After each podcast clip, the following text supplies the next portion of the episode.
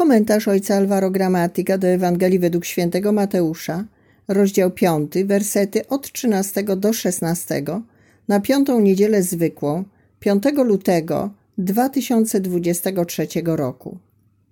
Wy jesteście solą dla ziemi. Lecz jeśli sól utraci swój smak, czymże ją posolić? Na nic się już nie przyda, chyba na wyrzucenie i podeptanie przez ludzi. Wy jesteście światłem świata. Nie może się ukryć miasto położone na górze.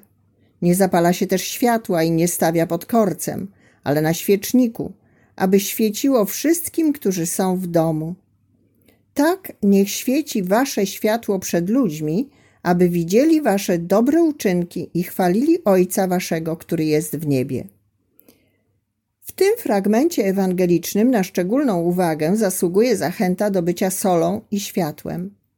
Prawdopodobnie Jezus miał na myśli sól, która, straciwszy swoją wartość, była używana jako środek antypoślizgowy na dziedzińcach świątyni, a w odniesieniu do światła miał na myśli Hippos, miasto Dekapolu, które nocą miało jaśnieć blaskiem swoich świateł. Sól konserwuje, oczyszcza, ale przede wszystkim nadaje smak potrawom. To właśnie sól podkreśla właściwości smakowe typowe dla różnych potraw. Tak więc życie ucznia Jezusa powinno być smaczne, interesujące, atrakcyjne. Ale co zrobić, by nasze życie było posolone i mogło takim pozostać w czasie, niezależnie od wydarzeń życiowych?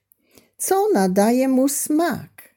Radość. To radość sprawia różnicę w naszym życiu i czyni je lekkim, przyjemnym i pięknym, pomimo naszej biedy i trudności, które dobrze znamy. W obliczu trudności staje się naszą siłą. Radość nie jest jednak zwykłym uczuciem wynikającym z braku problemów. Tu chodzi o wolę radowania się, ponieważ pokładamy ufność w Jezusie, który oddał za nas swoje życie z miłości. Paweł tak mówi do Filipian. Radujcie się zawsze w Panu. Jeszcze raz powtarzam, radujcie się. Niech będzie znana wszystkim ludziom wasza wyrozumiała łagodność. Pan jest blisko. Radujemy się, ponieważ Pan jest blisko każdego z nas.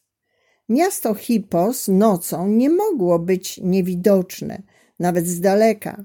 Musiał to być niezwykły widok, który podobał się nawet samemu Jezusowi.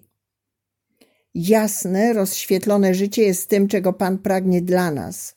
Światło ma moc oświetlania drogi, która jest przed nami i strzeże nas przed czyhającymi na nas niebezpieczeństwami. Kiedy jest światło, nigdy nie jesteś zaskoczony. Kiedy jest światło, czujesz się bezpiecznie. Tym, co rozjaśnia to, co jest przed nami i sprawia, że ucieka wszelki lęk przed nieznanym, jest modlitwa.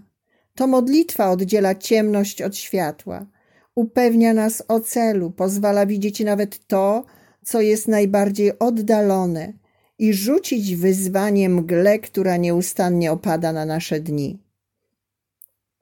To modlitwa daje nadzieję, ponieważ ukazuje nam skarb, który na nas czeka i przezwycięża wszelki niepokój.